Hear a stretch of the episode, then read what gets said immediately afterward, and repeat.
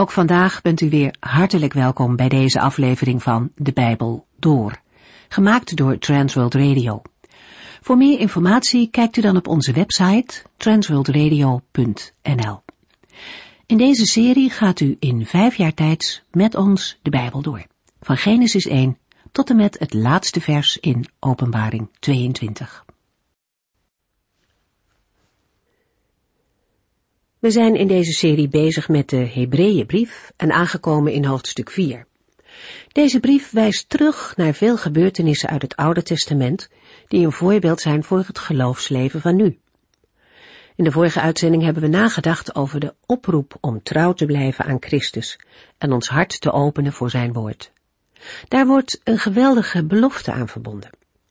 Als wij Christus van het begin tot het einde trouw blijven, delen wij in alles wat Hij heeft. En dat geldt niet voor die verre toekomst, nee, dat geldt nu al.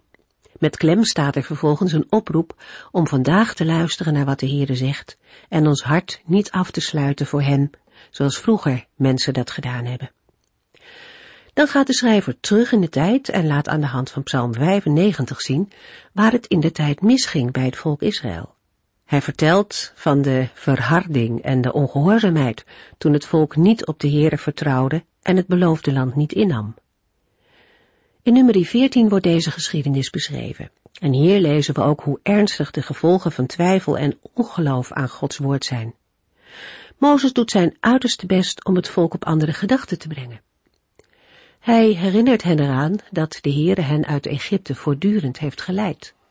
Overdag en s'nachts was de Heere zichtbaar aanwezig in een wolk en in een vuurkolom. Hij bevrijdde hen, gaf hen te eten en zorgde voor drinken. De wonderen die het volk Israël meemaakte in de woestijn waren groot en veel. En de Heere liet in al deze dingen zijn zorg en zijn liefde zien. En toch, als het er dan op aankomt, reageert het volk met ongeloof. Het wantrouwt de Heere en keert zich van hem af.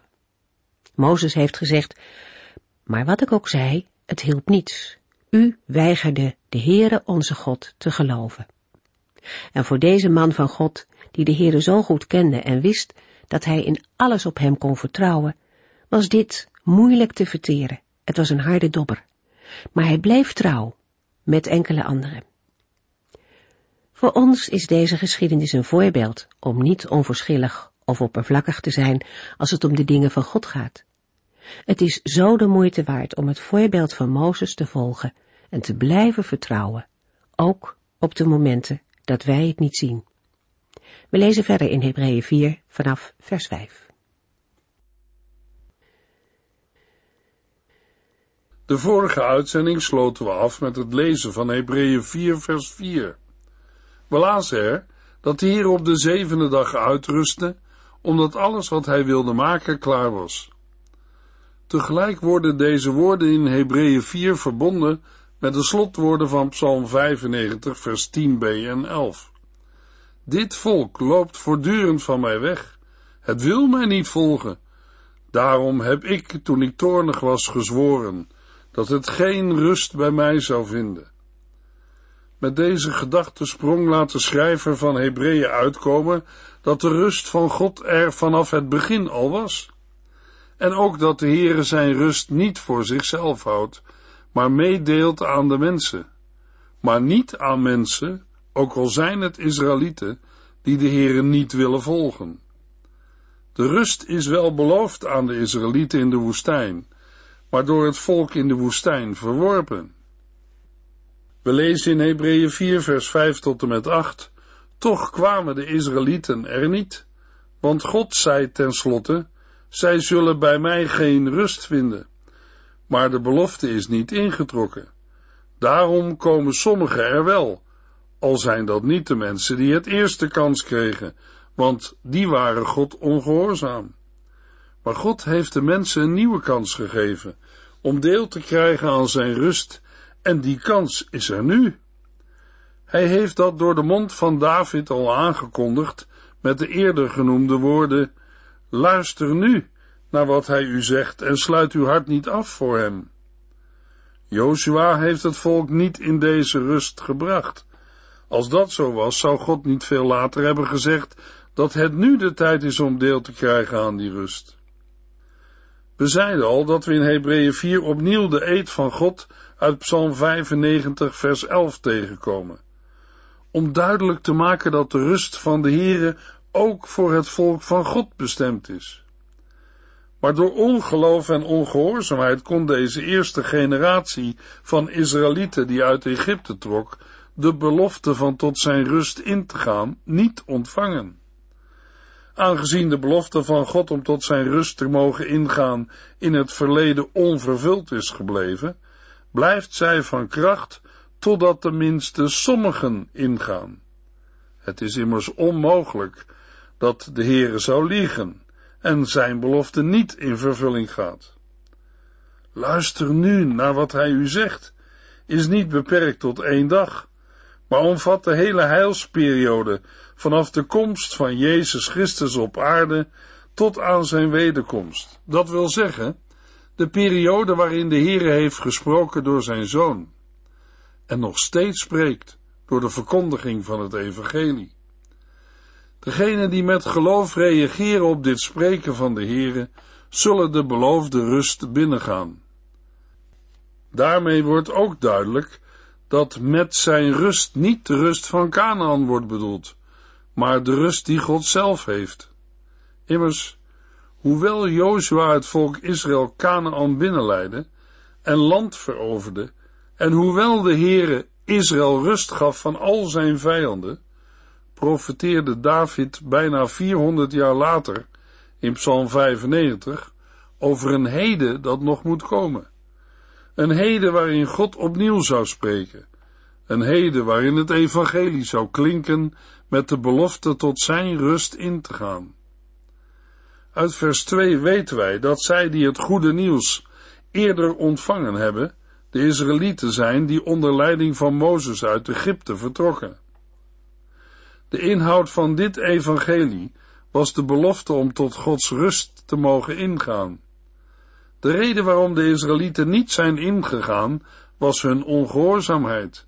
Zij weigerden het land binnen te trekken en het bevel van de Heere te gehoorzamen. In Hebreeën 3 vers 19 wordt als reden genoemd geen vertrouwen, kortom ongeloof. Beide begrippen liggen dicht bij elkaar. Ongehoorzaamheid is reageren uit ongeloof. De naam Joshua wordt in het Grieks geschreven als de naam Jezus. Hebreeën 4 vers 9. Er wacht het volk van God dus nog altijd een zuivere, volkomen rust. Gods beloften moeten worden vervuld. Er blijft dan ook een belofte om in te gaan in de volkomen rust van de Here. Deze rust wordt in de Griekse tekst Sabbatsrust genoemd. In het Hebreeuws is het werkwoord rusten Shabbat. Daarom noemen de Joden de zevende dag de Sabbat. De rust van de Heere was op de zevende scheppingsdag begonnen. De belofte was gedaan aan het volk van God, oorspronkelijk het volk Israël, maar nu al degenen die door het geloof bij het volk van God horen.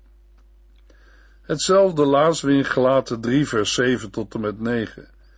De echte kinderen van Abraham zijn dus de mensen die, net als hij, op God vertrouwen.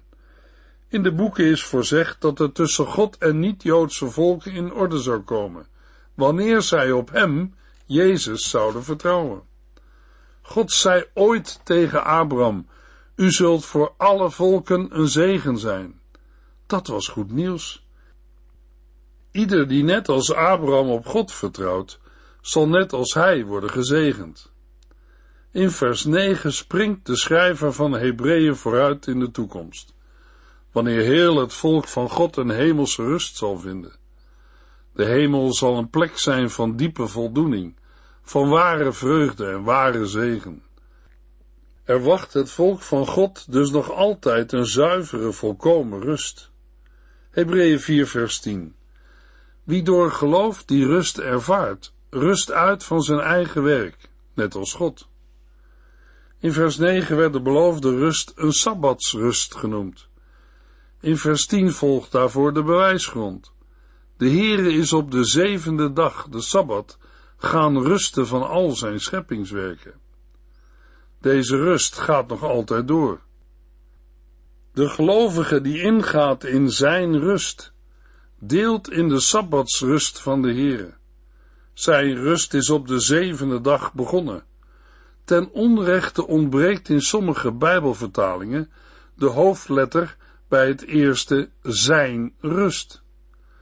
Bij de woorden wie rust van zijn eigen werk, moeten we allereerst denken aan het harde werken van de mens om in leven te blijven. Deze woorden uit het eerste Bijbelboek corresponderen met de woorden uit het laatste Bijbelboek. In Openbaring 14, vers 13 zegt de Heilige Geest: Schrijf op, gelukkig zijn zij die van nu af aan in het vertrouwen op de Heere sterven. Inderdaad, zei de Geest, zij zullen van hun zwoegen uitrusten en loon krijgen dat hun toekomt voor al het werk dat ze hebben gedaan. Met de woorden, wie door geloof die rust ervaart, stelt de schrijver van Hebreeën zich voor hoe die rust zal zijn, wanneer de Heer Jezus zal zijn teruggekomen. Het betekent dat het eigenlijke ingaan en rusten nog toekomst is. Bij het uitrusten van God van zijn werk moet niet de indruk ontstaan dat de Heer op de zevende dag moe is geworden. De achterliggende gedachte is de rust van het afzijn. De schepping is klaar. De Heer is sindsdien nooit meer bezig geweest met scheppen. Er hebben zich in de schepping wel heel wat veranderingen voorgedaan, maar dat was niet omdat het werk van God niet klaar was. Er is wel één uitzondering, en dat betreft de nieuwe schepping. In 2 Korintiërs 5 vers 17 tot en met 19 hebben we gelezen, Als u christen wordt, wordt u van binnen helemaal nieuw. U bent als het ware opnieuw door God geschapen. Er is een heel nieuw leven begonnen. Al dit nieuwe komt van God, die ons door Jezus Christus bij zichzelf heeft teruggebracht. Hij heeft ons opgedragen overal te vertellen dat iedereen het nu met God in orde kan maken. Door Christus herstelde God zijn relatie met de wereld. Hij rekende de mensen hun zonden niet meer toe, maar wiste ze uit. En wij mogen dit geweldige nieuws aan iedereen vertellen. Zondige mensen die wedergeboren worden tot kinderen van God, zijn de enige dingen die de Heere door het geloof in Christus vandaag schept. God heeft een hemelse rust beloofd en die komt zeker. Maar, luisteraars, de Heere wil dat wij er ons vandaag al over verheugen. Hij rustte van zijn werk, omdat het klaar en af was, en hij deed alles voor ons. Zelfs onze gerechtigheid is voor de Heere niet meer dan een verwerpelijk kleed, een hoop oude lappen. De Heere kan onze gerechtigheid niet aannemen, omdat er in werkelijkheid geen gerechtigheid is. In Romeinen 3 vers 10 lezen we, voor God is niemand rechtvaardig, werkelijk niemand. Daarom biedt de Heere de gerechtigheid van Christus aan. Als een mens op Christus vertrouwt, wordt hij of zij een nieuwe schepping in hem. Daarom klinkt de volgende oproep in Hebreeën 4 vers 11. Laten wij ons best doen deel te krijgen aan die rust. Daarom moeten wij ervoor oppassen God niet ongehoorzaam te zijn, zoals het volk Israël, dat daardoor die rust niet kreeg. De uitleg over de rust van God wordt besloten met een vermanend gedeelte. Door laten wij ons best doen, sluit de schrijver zichzelf in bij de gelovigen aan wie hij schrijft, waardoor de toon minder scherp wordt. Niettemin blijft de vermaning ernstig genoeg. Het deel krijgen aan die rust houdt in dat de lezers het woord van God, het evangelie of goede nieuws, met geloof en vertrouwen en met gehoorzaamheid vasthouden. Doet iemand dat niet, dan dreigt hij te vallen, in hetzelfde voorbeeld van ongehoorzaamheid als het volk Israël.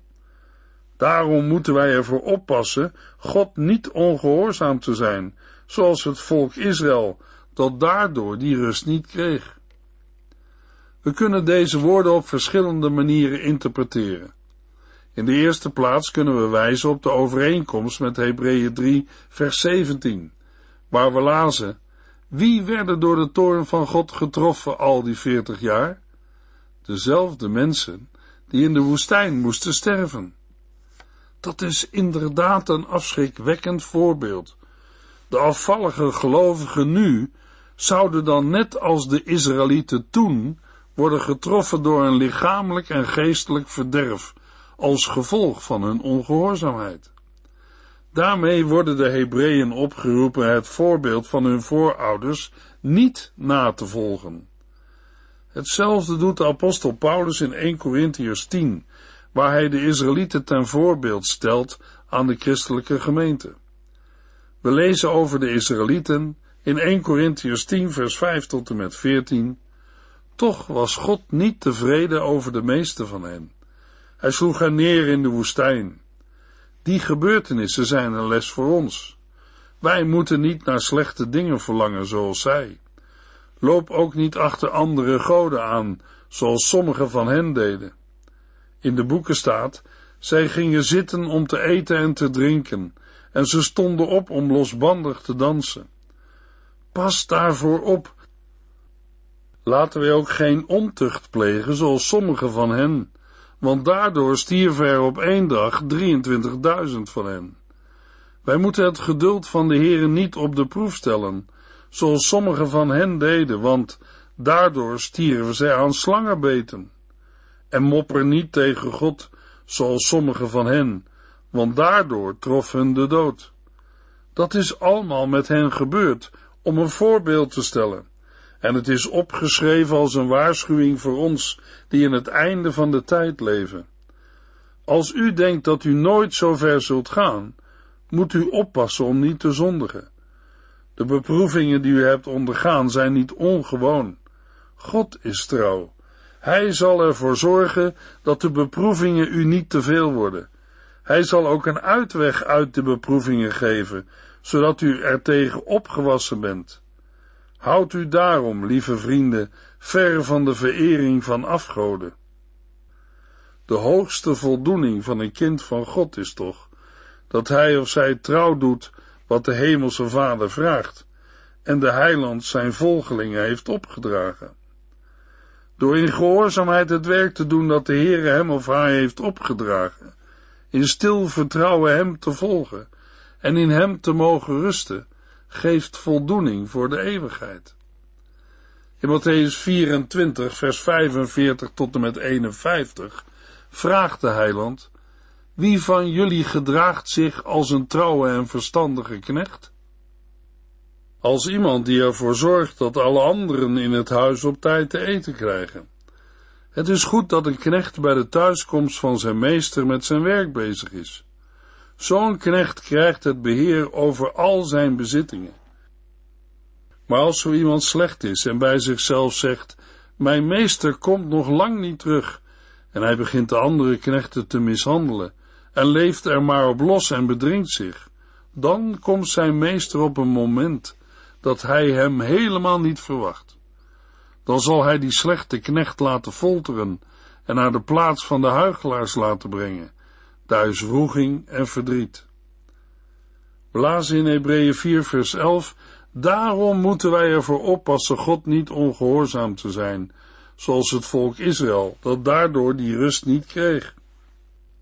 Hebreeën 4 vers 12, want het woord van God is levend en vol van kracht. Het is scherper dan een tweesnijdend zwaard. Het dringt zo diep door dat het alles in ons van elkaar lossnijdt, zelfs onze diepste gedachten en verlangens. Daardoor wordt duidelijk wie wij werkelijk zijn. Met het woord van God wordt in de eerste plaats het spreken van God door zijn Zoon Jezus Christus bedoeld, en vervolgens God spreken door de verkondiging van het Evangelie. Gods woord wordt in vers 12 beschreven als levend en vol van kracht. Dat wil zeggen, in al zijn kracht en macht. Wee degene die zich tegen het woord van God verhardt. Het woordje levend verwijst naar de levende God, naar de Heere die handelend optreedt. De woorden vol van kracht houden in dat Gods woord effectief is. De gevolgen van Gods spreken zijn zichtbaar, of het nu gaat om zegen of om straf. Met scherper en dring diep door wordt aangegeven dat de woorden van de Heer een mens tot in het diepste van zijn wezen raakt. Gods woord wordt vergeleken met een tweesnijdend zwaard, een beeld dat afkomstig is uit Jezaja. In Jezaja 49 vers 2 lezen we, God zal de veroordelingen die ik u laat horen, scherp als zwaarden maken. Hij heeft mij verborgen in de schaduw van zijn hand. Ik ben als een scherpe pijl in zijn pijlkoker. De woorden dat het alles in ons van elkaar lossnijdt, betekent dat het woord de diepste gedachten en verlangens van ons mensen scheidt. Dat wil zeggen, er blijft aan de mens niets over dat niet door het woord wordt geraakt. In andere vertalingen lezen we in vers 12, want het woord Gods is levend en krachtig en scherper dan enig tweesnijdend zwaard, en het dringt door zo diep dat het vaneen scheidt ziel en geest, gewrichten en merg, en het schrift overleggingen en gedachten des harten. Met ziel en geest worden in dit verband alle innerlijke, niet-materiële aspecten van het mens zijn aangeduid. Met gewrichten en merg alle lichamelijke of fysieke aspecten. Vervolgens is het woord van God in staat om te oordelen over de gedachten, voortkomend uit de wil en de begeerte, als ook over de gedachten in de zin van overdenking of inzicht, waarmee alle soorten van gedachten worden samengevoegd. Er blijft dan ook niets voor het woord verborgen. Met hart wordt het centrum van de menselijke persoonlijkheid bedoeld, want het woord van God is levend en vol van kracht. Daardoor wordt duidelijk wie wij werkelijk zijn. En wie zijn wij werkelijk in Gods ogen? Zondige mensen, waarvan de Heere alles weet. Hebreeën 4 vers 13 God weet alles over iedereen. Alles in en om ons ligt open en bloot voor zijn ogen. Niets kan verborgen blijven voor hem, aan wie wij verantwoording moeten afleggen voor alles wat wij hebben gedaan. In vers 12 kreeg het woord van God al persoonlijke eigenschappen mee. Het woord leeft, is vol van kracht, dringt door en snijdt los. In vers 13 vinden we een overgang van Gods woord naar God zelf. De eerste woorden zijn er duidelijk over. God weet alles over iedereen. Immers, Hem kan nauwelijks iemand anders zijn dan God zelf, of de Heer Jezus Christus die namens de Vader spreekt. God is aanwezig in zijn woord. Hij weet alles van het individuele schepsel. Alle geschapen wezens zijn als het ware doorzichtig voor de Heer. De woorden niets kan verborgen blijven voor Hem, aan wie wij verantwoording moeten afleggen voor alles wat we hebben gedaan, houden een verwijzing in naar het staan voor de troon van God, waar ieder mens rekenschap zal moeten afleggen. Voor de Heere kan niemand iets verborgen houden. In andere vertalingen lezen we alles ligt open en ontbloot voor zijn aangezicht. Dit open en ontbloot houdt in dat het onmogelijk is voor Gods ogen iets te verbergen. Het Griekse woord is afgeleid van een woord dat hals of nek betekent.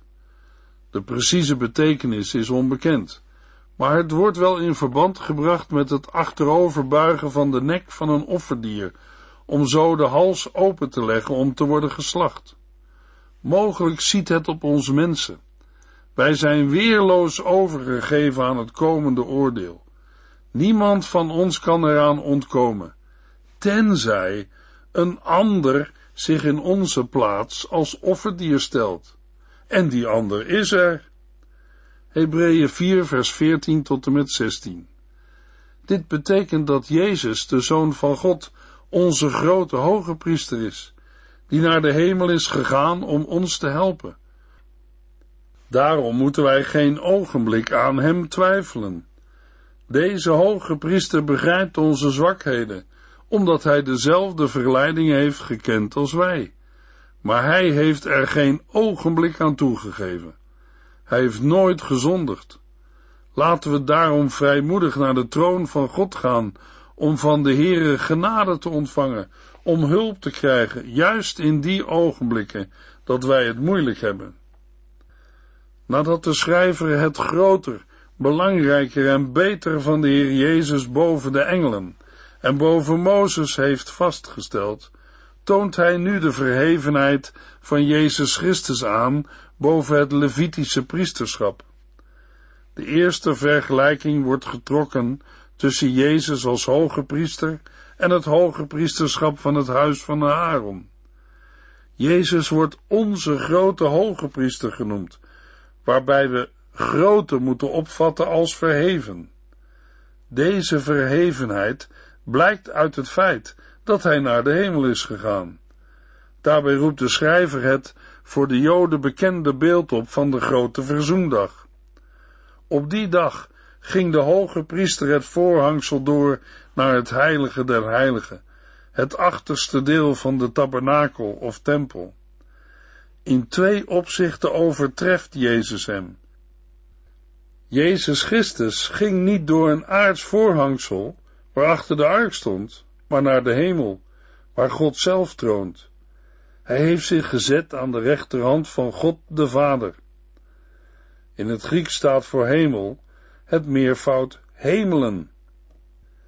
In de volgende uitzending gaan we nog wat dieper in op Hebreeën 4, vers 14 tot en met 16. U heeft geluisterd naar De Bijbel Door, in het Nederlands vertaald en bewerkt door Transworld Radio. Een programma waarin we in vijf jaar tijd de hele Bijbel doorgaan.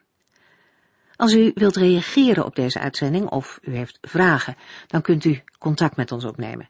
Tijdens kantooruren kunt u bellen op 0342 47 8432. 0342 47 8432. Ook kunt u een e-mail sturen naar de Bijbel door at transworldradio.nl en natuurlijk kunt u ook via de post ons bereiken. TWR, postbus 371, postcode 3770, AJ in Barneveld. Dit programma werd gepresenteerd door Cor Weda en Ike André. Techniek was in handen van Odin van Voerkom. En wij allemaal bedanken u voor het luisteren. Graag tot de volgende keer.